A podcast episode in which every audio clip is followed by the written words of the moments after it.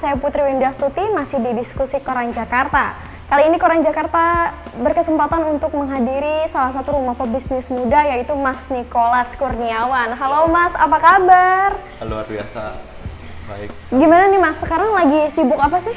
Kita sibuk ekspor dan impor ikan hias. Kita mempromosikan hobi ikan hias ke seluruh lapisan masyarakat gitu. Jadi kalau uh, dulu si Steve Jobs itu eh Steve Jobs lagi Bill Gates punya punya mimpi, punya visi itu suatu hari nanti setiap rumah akan ada satu komputer. Kalau Venus Aquatics, visi dan mimpinya itu suatu hari nanti setiap rumah di Indonesia dan di dunia itu punya minimal satu akuarium. Aduh, berat juga tuh ya.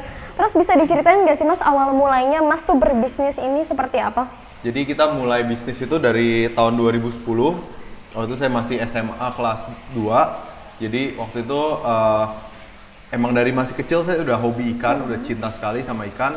Tapi kalau berbisnis sendiri itu dimulai 2010 waktu itu lagi tren namanya ikan gararufa. Hmm. Ikan gararufa itu ikan terapi di mall-mall itu yang gigit-gigit Oh, iya. kaki itu. Heeh. Nah waktu itu saya uh, dikasih sama temennya mama, tapi kok saya nggak seberapa suka. Nah dari situ saya jual karena saya sukanya ikan hias bukan ikan yang kayak gitu saya jual ternyata demandnya tuh tinggi sekali dan dari situ ya keterusan gitu keterusan kita dari satu ikan garufa satu jenis kita main kan jadi sekarang berbagai macam jenis baik yang dari dalam negeri maupun dari luar negeri gitu Namanya aja Venus Aquatic ya. Hmm. Ada nggak sih arti di balik nama itu? Jadi Venus Aquatic itu punya slogan, punya punya moto gitu. We are not the biggest but always brighter than any other stars. Jadi Venus itu seperti planet Venus. Planet Venus itu di tata surya kita itu bukan yang paling besar, tapi dia yang paling bersinar.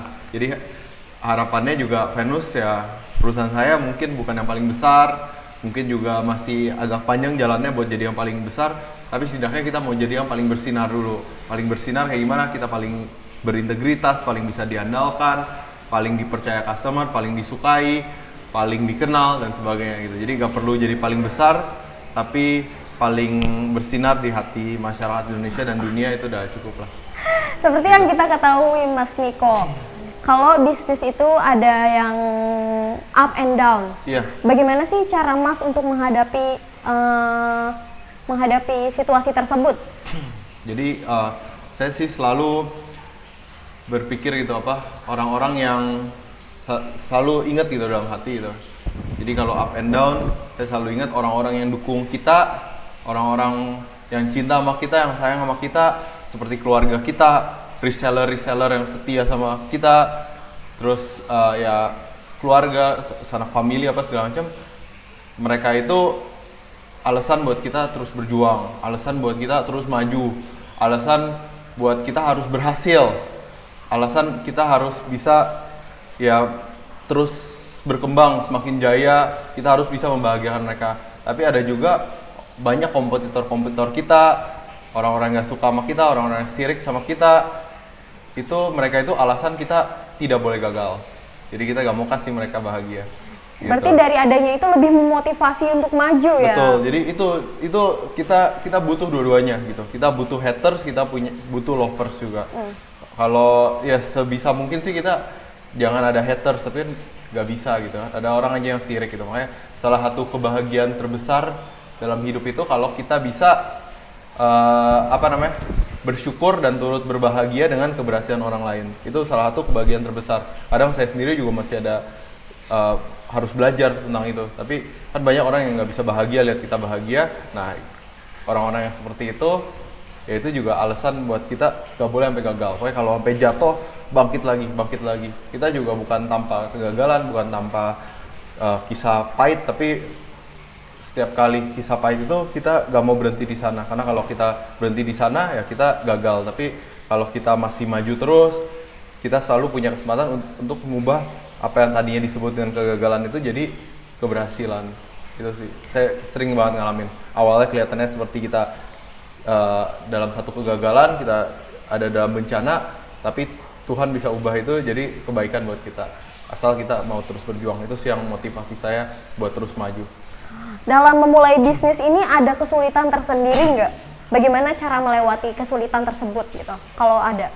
Kalau kesulitan ya banyak sekali gitu. Kita dari dari yang mau nyenggol sampai yang mau jatoin sampai yang mau matiin itu kita udah ketemu semua. Tapi kita harus ingat selalu what doesn't kill you make you stronger gitu. Jadi apa yang nggak matiin kita ya itu sebenarnya buat latihan buat kita jadi semakin kuat, semakin kuat, semakin kuat gitu. Jadi ya mesti ingat lah yang namanya pelaut aja. Ya jangan jadi pelaut kalau kita takut gelombang gitu.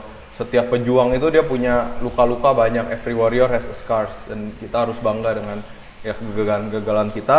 Tapi itu gak boleh menghentikan kita karena setiap kisah pahit kegagalan kita itu bisa jadi manis kalau kita terus berjuang dan sampai berhasil tuh kegagalan-kegagalan itu ya jadi bumbu penyedap lah Iya, saat kita berhasil nanti gitu. Kalau kesulitan sih banyak banget, banyak banget gak bisa diceritain satu-satu.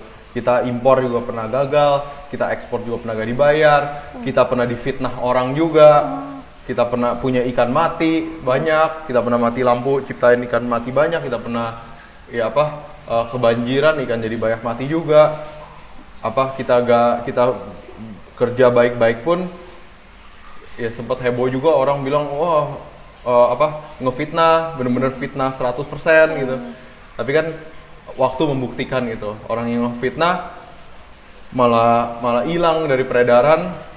Walau waktu itu saya punya kesempatan penjarain dia tapi saya putusin maafin dianya langsung nungsep karirnya nggak diapa-apain ya nggak perlu dipenjara nggak perlu diapain udah nyungsep sendiri karirnya sedangkan bisa lihat sendiri Venus Aquatic itu eh, ya makin difitnah, makin dijatuhin, malah makin berkibar gitu, malah makin makin jaya, malah ya ya lihat sendiri lah perkembangannya tuh luar biasa. Makanya kalau ada orang yang eh, misalnya mau jatuhin kita, mau matiin langkah kita, itu bersyukur itu katanya pahala kita ditambahin gitu. Jadi Oke. itu harus ya tetap semangat lah gitu. Bagaimana Mas bisa yakin akan usaha ini dapat berkembang dengan pesat? Jadi kalau usaha ini berkembang pesat itu karena saya sendiri itu suka ikan ya. Saya sendiri suka ikan dari kecil saya suka binatang. Kalau saya kembangin usaha ini kan dari sekitar tahun 2010-an. 2010 itu saya orang miskin sekali lah. Saya gak punya ini, gak punya itu. Saya juga bukan berasal dari keluarga kaya. Papa saya boleh dibilang supir, mama saya tukang buat kue kecil-kecilan, dagang kue kecil-kecilan dan tapi saya udah punya visi, saya udah punya mimpi, saya udah punya cita-cita, saya harus bisa jadi orang berhasil supaya bisa ngangkat derajat keluarga. Nah, saya mikir apa yang bisa bikin saya jadi pengusaha sukses, pebisnis sukses. Saya mikir kan, apa gitu. Saya pikir kalau mau jadi sukses, berhasil, dikenal orang, saya harus jadi nomor satu di bidangnya. Tapi di bidang apa saya bisa jadi nomor satu? Kalau nggak di Indonesia, di dunia gitu. Apa di bidang apa? Kalau di bidang eh, misalnya kalau paling kasar ya sepak bola. Dulu saya suka banget main sepak bola. Itu hampir katakan mustahil lah. Saya bisa bersaing. Ya kalau tingkat antar sekolahan saya bisa bersaing. Kalau tingkat nasional ya berat. Saya mau di bidang teknologi lebih-lebih. Teknologi kita harus diakuin masih jauh tertinggal gitu dibanding negara lain. Kalau mau adu murah-murahan harga sama negara lain seperti China juga susah berat. Mau di bidang ini itu saya mikir waduh apa ya saya lahir dan besar di Indonesia kalau saya mau jadi nomor satu di dunia itu di bidang apa? Ternyata Indonesia itu luar biasa dan kayaknya itu di bidang agriculture. Jadi di bidang sumber daya alam. Saya lihat daftar orang terkaya di Indonesia semuanya itu hampir semua lah itu gak jauh-jauh dari sumber daya alam. Jadi Indonesia diberkatinnya luar biasa di sana. Terus lebih mengerucut lagi saya pilih ikan hias karena eh, ikan hias saya bahasa Inggrisnya itu tropical fish jadi tropical cuma ada di garis katulistiwa jadi di bumi ini se- segini besar ikan hias tuh banyak kan cuma ada di garis katulistiwa di bumi bagian utara sama selatan itu ada tapi tidak terlalu banyak varietasnya. Yang banyak tuh di tengah-tengah ini. Kayak Indonesia juga Indonesia yang bagian tengah itu. Palembang Jambi Pekanbaru ini banyak tengah dikit apa Kalimantan itu banyak Sulawesi bagian selatan itu banyak varietasnya Papua terus muter lagi tuh ke Afrika juga agak semua negara gitu. Jadi Afrika Selatan tuh gak ada ikan. Afrika Utara itu apa uh, Mesir segala macam itu juga gak ada ikan. Yang ada tuh di tengah tuh Kongo Senegal Kamerun itu ada ikannya di bagian tengah. Muter lagi juga ke Amerika Selatan. Amerika Utara gak ada Amerika Selatan ada tapi yang ada juga di empat negara Brazil Kolombia Venezuela, Peru, cuma di situ aja yang terlalu atas, terlalu bawah itu gak ada ikannya. Itu maksudnya apa? Jadi ikan hias tuh adanya cuma di garis katulistiwa, yaitu di Indonesia. Dan 70, 50 sampai 70 persen ikan hias di dunia itu asalnya dari Indonesia.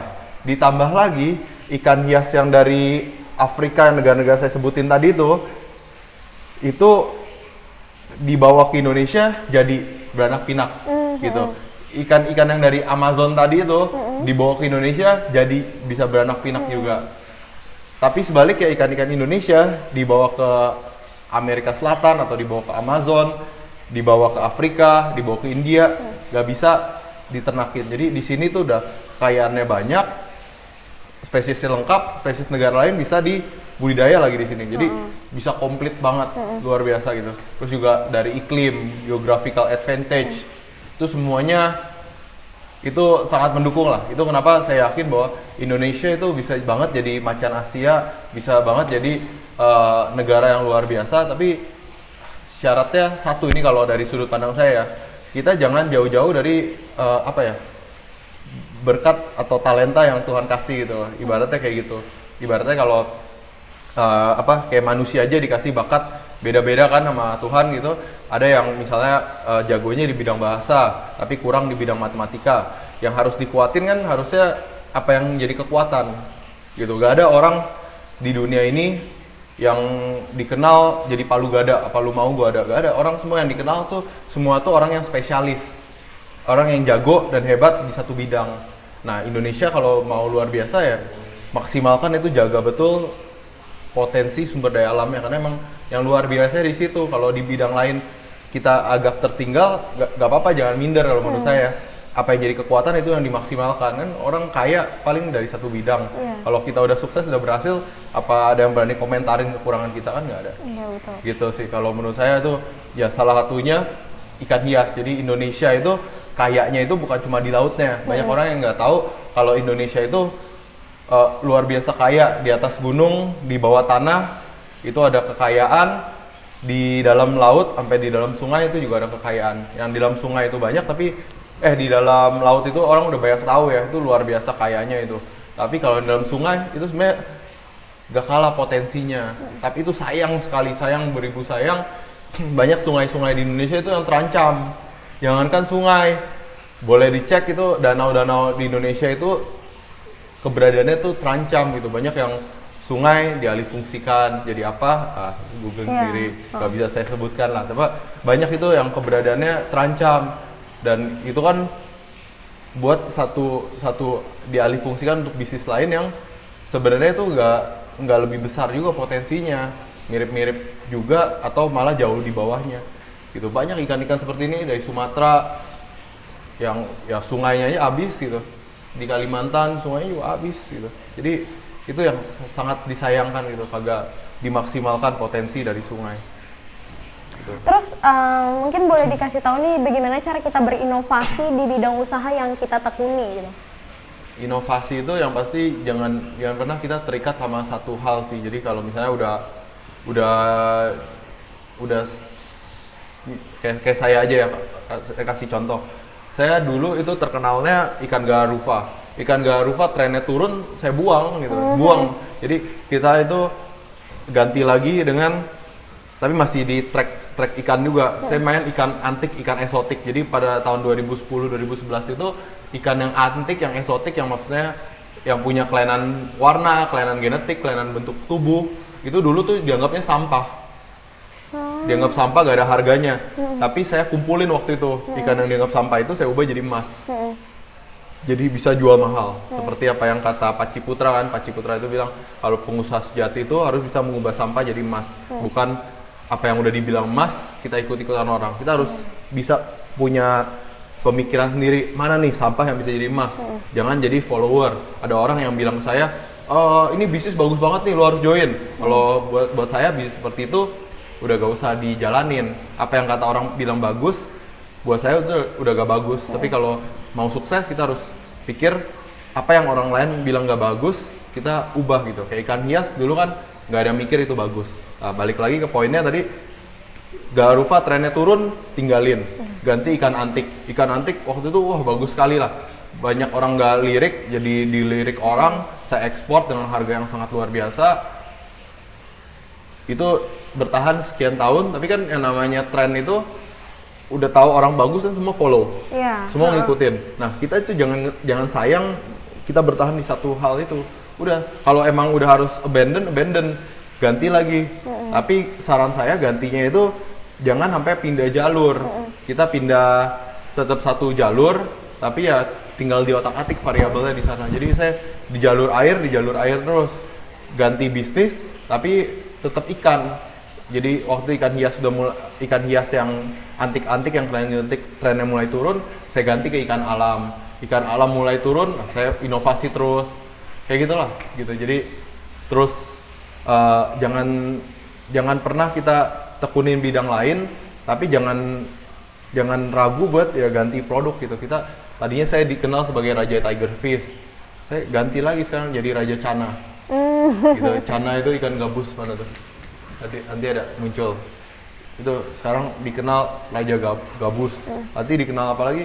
Kita yang mending itu konsisten di bidang kita aja. Tapi kalau produknya kita ganti terus gak apa-apa. Terus juga eh, apa sosial media kita termasuk salah satu yang paling kuat di sosial media. Itu kita bangun grup banyak di Facebook bangun komunitas di WhatsApp banyak. Kita bangun YouTube juga Venus Aquatics gitu bisa subscribe ya. Venus Bisa juga- Aquatic Venus? Aquatic cari aja di di YouTube kita ada itu kita edukasi orang bagaimana tujuan Venus eh, tujuan grup eh tujuan YouTube Venus Aquatic itu biar orang yang tadinya belum pelihara ikan jadi pelihara ikan. Karena pelihara ikan itu sebenarnya menular. Jadi orang tadinya nggak pelihara ikan jadi pelihara ikan. Jadi sama kayak pertanyaan gimana cara jual lebih banyak gitar? Kan bukan kita nawarin ke orang yang udah main gitar aja Iya. tapi gimana caranya agar orang yang belum jadi pemusik bisa jadi pemusik. Sama gini juga kasarnya kita ya apa ya eh, istilahnya tuh mengajak orang-orang yang tadinya belum jadi fish lovers jadi fish lovers caranya ya kita bangun YouTube kita bangun komunitas kita bikin kontes-kontes online kan nggak bisa kontes offline sekarang. Kita banyak bikin kontes eh, kontes online pelihara ikan setting akuarium. Nah kayak gitulah banyak kita. Itu salah satu inovasi kita. Dan itu sering kali itu nggak bukan dapat duit bangun seperti itu. Cuma dapat nama. Tapi yang namanya bisnis itu kita dapat nama duit pasti ngikutin. Kalau kita Iya. cari duit nama mungkin hilang kita. Karena orang dikenal jangan sampai orang yang serakah cuma mikirin diri sendiri dan sebagainya. Jadi kurang lebih gitulah inovasinya. Kita inovasi itu harus eh, gimana kita kasih dampak sebesar besarnya buat komunitas. Jangan kasih cari untung sebanyak banyaknya buat perusahaan kita gitu. Banyak orang yang salah gitu. Ini sama-sama ngincarnya duit nih tapi kadang orang salah tembak. Nembak langsung duit malah kabur duitnya. Tapi kita kalau kita kan muter sedikit gitu set set strategi lah.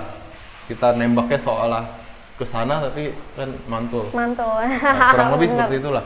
Jadi bisnis tuh banyak yang uh, gak bisa diceritain tapi harus pakai intuisi dan pengalaman saya bisa ngomong gini karena saya bisnis sudah lama sekali. Mm-mm. Seperti yang kita ketahui nih Mas, sekarang kan eh, Indonesia semua negara sedang dalam masa sulit pandemi Hmm. COVID-19. oh ya Di dalam berbisnis ini eh, ada nggak dampak dari pandemi ini ke bisnis ikan Mas? Oh oke. Ya saya suka ini. Kalau menurut saya itu gak ada tuh namanya market lesu gitu. Kalau ini kalau menurut saya pribadi ya. Jadi pada tahun berapapun juga. Misalnya orang bilang 98 krisis yang kaya banyak. Tahun 2008 katanya krisis yang kaya lebih banyak lagi. Tahun 2020 katanya krisis yang kaya itu juga juga banyak gitu. Banyak yang susah banyak yang kaya juga. Jadi sebenarnya kaya miskin uh, market le- le- lesu market down atau apa itu bukan ada di pasar kadang kita sebagai marketer atau penjualnya itu yang lesu. Perusahaan properti katanya turun semua. Enggak saya punya temen bisnis properti naik gila-gilaan. Enggak juga. Jadi bisnis apa makanan atau apa sebutin deh semua jenis bisnis. Sebenarnya yang yang lesu itu bukan bukan pasar ya tapi marketer ya yang lesu dan habis akal habis inovasi dan kadang juga mentalitas gitu. Kadang kita belum bertanding udah kalah saya paling benci banget sama orang yang bilang eh, nggak bisa nggak bisa lesu apa gitu. Yang namanya pemenang itu selalu kelebihan cara. Dalam masa apa pun juga dia selalu punya cara. Mau dijatuhin seperti apa pun juga dihalangin seperti apa pun juga yang namanya pebisnis sejati itu gak kehilangan akal. Tapi kalau yang namanya pecundang itu kelebihan alasan selalu. Mau dikasih alasan apa pun eh, apa namanya mau momen bagus pun pasti ada alasannya. Bilang aduh udah banyak kompetitor udah banyak pesaing udah banyak ini banyak itu gitu. Jadi semua itu kalau mau jadi pengusaha pebisnis tuh jangan kebanyakan alasan. Jangan bilang nggak bisa. Apa pun tuh pasti bisa. Mau mau sampah pun aja bisa jadi emas kok. Apalagi emas jadi semakin berkilau. Dan kalau puji Tuhan gitu ya di bidang ikan hias ini di masa pandemi kita mengalami kenaikan di Indonesia khususnya. Itu kenapa bisa ngalamin kenaikan? Itu sebenarnya kita berterima kasih pada peran influencer-influencer seperti Irfan Hakim, Lucky Hakim dan banyak influencer-influencer sampai Raffi Ahmad, Denny Cagur dan sebagainya itu kita terima kasih banyak gitu. Ban-ban Kamsha kalau orang Chinese bilang itu. Kenapa mereka itu di masa pandemi itu mereka eh, bukan bukan kayak Prama atau siapa yang yang ngeramalin jelek-jelek, bikin orang frustasi, bikin orang stres. Tapi di masa pandemi itu mereka ngangkat konten-konten ikan hias. Orang Iya. banyak di rumah jadi kepikiran, oh ya piara ikan oke juga ya, piara binatang oke juga. Sebenarnya tren itu jadi bagus tuh karena ya ada influencer-influencer yang naikin gitu. Terus juga awal-awal pandemi banyak tukang ikan sebenarnya manyun juga. Manyun. Iya manyunnya kenapa? Karena waktu awal pandemi juga sebenarnya kita ngalamin kesulitan. Misalnya pengiriman nggak ada. Apa ekspor pesawatnya dari dari setiap hari jadi sebulan paling satu dua kali. Itu kan sebenarnya tantangan besar. Iya. Tapi jadi kan mikir, ah kita nge-YouTube aja deh. Banyak yang kayak gitu. Jadi sama-sama itu mereka kita kerjasama ngapungin hobi ini. Akhirnya banyak orang yang CLBK. Jadi waktu masih kecil mungkin depan SD-nya beli ikan, tapi setelah belasan tahun, puluhan tahun nggak sempet gitu kan sibuk kerja bolak-balik macet sekarang work from home. Jadi CLBK lagi ah gue beli beli lagi deh ikan hias. Nah itu yang nyebabin sebenarnya market tuh bagus buat ikan hias. Gitu bukan bukan em, ada faktor ini faktor itu enggak. Jadi sebenarnya tren itu diciptain dan ini berlaku juga untuk segala macam bisnis menurut saya. Segala macam tuh ya trennya apa harus diciptain. Jangan apa apa udah bilang ah lesu lah nggak bisa lah apa ya ya itulah mentalitas seperti itu yang buat buat kita nggak bisa maju. Kadang tuh saya aja dulu itu saya main bola aja bertanding aja itu selalu hasil akhirnya udah ketahuan dari sebelum dimulai pertandingan saya udah tahu. Kalau saya lihat oh aduh nih anak-anak nih tim saya udah ketakutan dulu lihat lawannya gede-gede. Udah udah tahu pasti pasti kalah. Tapi kalau kita yakin kita percaya diri kita dapat dukungan yang tepat kita optimis udah tahu hasilnya. Pasti kita bisa menang. Jadi sama seperti bisnis juga seperti itu. Kalau kita mikirnya market lesu apa saya saya paling nggak suka itu kalau ada berita bilang oh market lesu apa saya matiin aja. Sama orang apalagi bergaul sama orang yang dikit-dikit bilang nggak bisa dan apa bilang aduh toko sepi apa aduh gak usah berteman emang gitu. Harus berteman sama orang-orang optimis. Kita Iya, kebawa betul. optimis dan ya usaha kita juga jadi berhasil. Gitu sih. Jadi gak usah bilang market lesu. Market itu bagus untuk para pemenang lesu untuk para pecundang. Gitu. Market itu bagus untuk para pemenang, lesu untuk para pecundang. Iya, losers itu always have find excuse in every situation. Berarti selama pandemi ini marketnya tuh malah naik naik naik terus ya? Kalau saya nggak tahu dengan perusahaan lain, tapi banyak juga perusahaan ikan yang tutup banyak, yang bangkrut banyak, yang nipu-nipu banyak, yang hilang nggak ada kabar, nggak bisa bayar utang juga banyak gitu. Tapi kalau perusahaan saya sendiri, ya puji Tuhan itu dikasih berkat luar biasa sama Tuhan. Kita dikasih jalan luar biasa, kita di, selalu dikasih hikmat, kebijaksanaan gitu biar bisa tahu langkah mana sih yang harus kita ambil. Sehingga sampai hari ini kita kita kita ada aja masalah tapi dari setiap masalah itu Tuhan bawa kita lebih tinggi gitu. Itu yang saya alamin sih. Kita nggak nggak pernah sampai ngerasa kekurangan sampai nangis nggak tahu besok mau gaji karena gimana nggak? Kita bisnis kita bagus berkembang gitu nggak nggak ada nggak ada efek negatif sih. Soalnya pas ada badai datang kita udah siap dengan selancar dan kapal layar kita. Jadi kita siap berselancar di tengah badai gitu sih. Udah siap banget nih kayaknya nih. Udah siap. Awalnya sih nggak siap tapi kita siapin semua dan cepet kita gerak, kita inovasi. Akhirnya ya siap berselancar gitu. Terus kalau untuk saat ini ikan apa sih yang paling laris banget mas? Nah, kalau ini tren ikan itu lumayan berubah-berubah terus. Kalau dulu itu ikan botia itu 20-30 tahun lalu banyak orang yang kaya raya dari ikan botia itu. Terus juga saya sempat dapat hasil yang luar biasa dari ikan tiger fish ini. Kalau sekarang yang lagi paling laku ini nih, si Cana Auranti. Wih, wih, mampir, mampir main. Terus itu harganya berapa mas? Dari berapa sampai Har- berapa? Harga itu ada yang ratusan ribu sampai jutaan gitu. Jadi ya ada har ikan itu nggak bisa ada patokannya. Jadi kita lebih daripada emas gitu volatilitasnya. Jadi kalau emas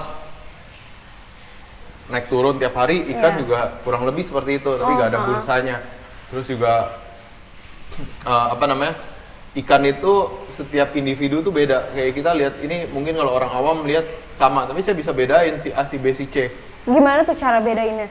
ada garisnya beda, mukanya beda, sifatnya bisa beda, karakternya beda. Jadi em, mereka itu sebenarnya boleh dibilang nggak ada nggak nggak ada apa ya nggak ada persaingan sebenarnya karena setiap ikan itu beda.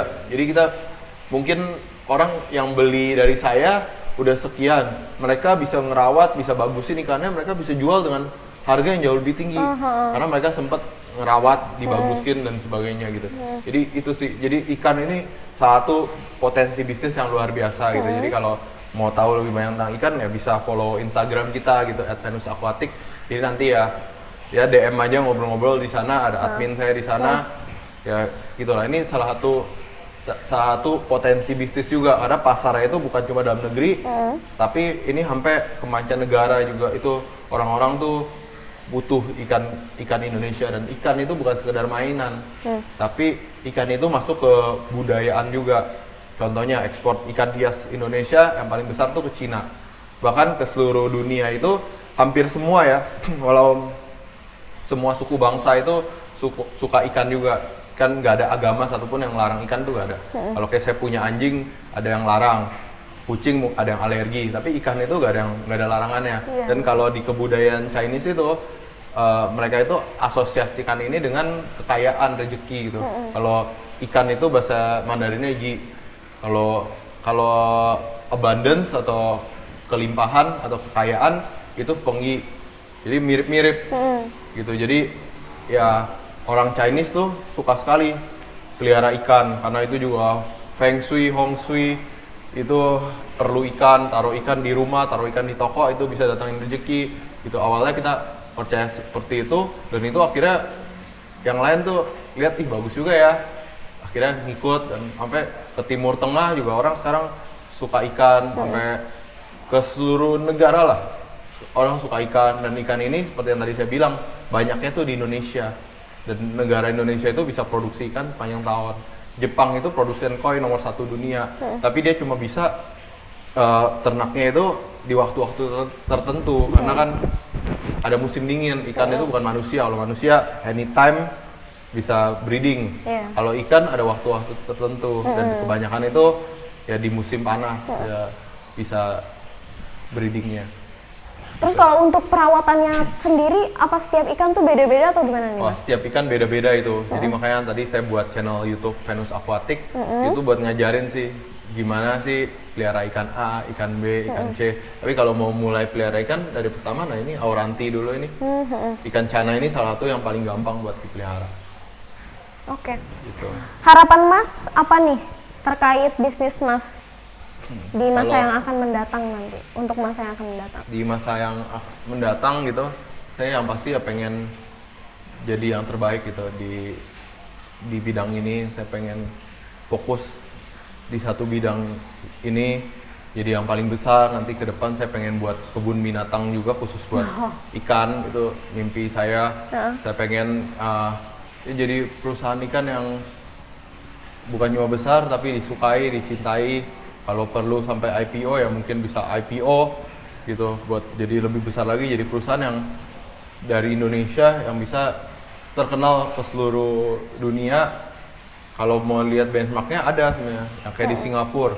Singapura ada perusahaan ikan namanya Cianhu itu eksportir ikan hias kebanggaan Singapura bahkan sampai IPO nah itu saya juga mungkin masih dipikirin mau ke sana arahnya. Tapi ya bag- kayak gimana pun juga ya pengennya sih bukan dikenal sebagai orang kaya tapi dikenal sebagai orang yang kasih dampak positif besar pada lingkungan pada masyarakat kayak gitu sih. Oke terakhir nih mas, boleh nggak sih mas kasih tips ke Jakarta mungkin yang ingin membaru, yang ingin memulai bisnis di bidang apa pun, Kas- kasih tips dan triknya. tipsnya itu sederhana aja jadi nggak semua yang kita pelajarin di sekolah itu betul contohnya pelajaran ekonomi kita itu menurut saya tuh harus direvisi kalau dulu simbanya belajar ekonomi definisi definisi ekonomi ya kegiatan ekonomi kegiatan bisnis kegiatan usaha dari SD SMP SMA sampai saya kuliah itu masih diajarin apa kegiatan ekonomi bisnis adalah kegiatan dengan modal sekecil-kecilnya untuk mendapatkan untung yang Besar. sebesar-besarnya. Itu kurikulum Indonesia semua ngajarin kayak gitu. Tapi kalau kenyataannya, kalau misalnya saya Mbak tahu nih, saya mau untung banyak dari Mbak, mau nggak beli dari saya? Kan banyakan orang nggak mau kalau tahu saya mau untungin sebesar-besarnya. Makanya itu harus dilupakan. Jadi kalau kita mau berbisnis, jangan cari untung sebesar-besarnya. Tapi buatlah customer untung yang sebesar-besarnya.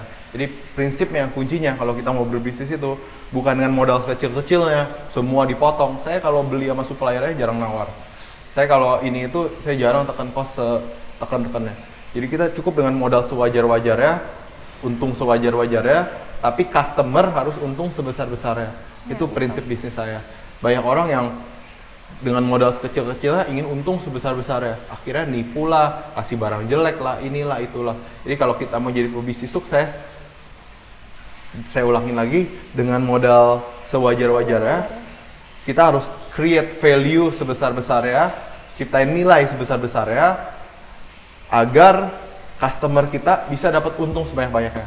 Kalau kita terapin prinsip itu, kita nggak perlu marketing ini itu. Semua orang mau berbisnis dengan kita sampai kita kesulitan milih. Kita mau dukung siapa, kita mau milih siapa, kita mau kasih barang ke siapa. Itu kalau kita betul-betul jalanin prinsip seperti itu.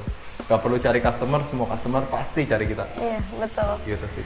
Oke Mas Nikolas, terima kasih banyak sudah mau sharing banyak nih sama Jakartans di rumah yang nonton. Mungkin next time kita bakal ngobrol-ngobrol lebih banyak lagi dan mungkin nanti kita bakal keliling ke tempat eh, apa namanya? Apa? Eh, apa sih rukonya gitu. Oh, kita ruko ada ikannya. ada toko, kita ada farm juga. Iya, ya kita boleh. lagi berkembang kalau mau mampir juga boleh ada di Oke. BSD dan di Serpong. Siap. Oke Jakarta, segitu dulu wawancara kami dengan Mas Nikolas Kurniawan. Nantikan diskusi episode selanjutnya dengan narasumber yang memberikan Anda insight yang berbeda. Saya Putri Windastuti, pamit undur diri.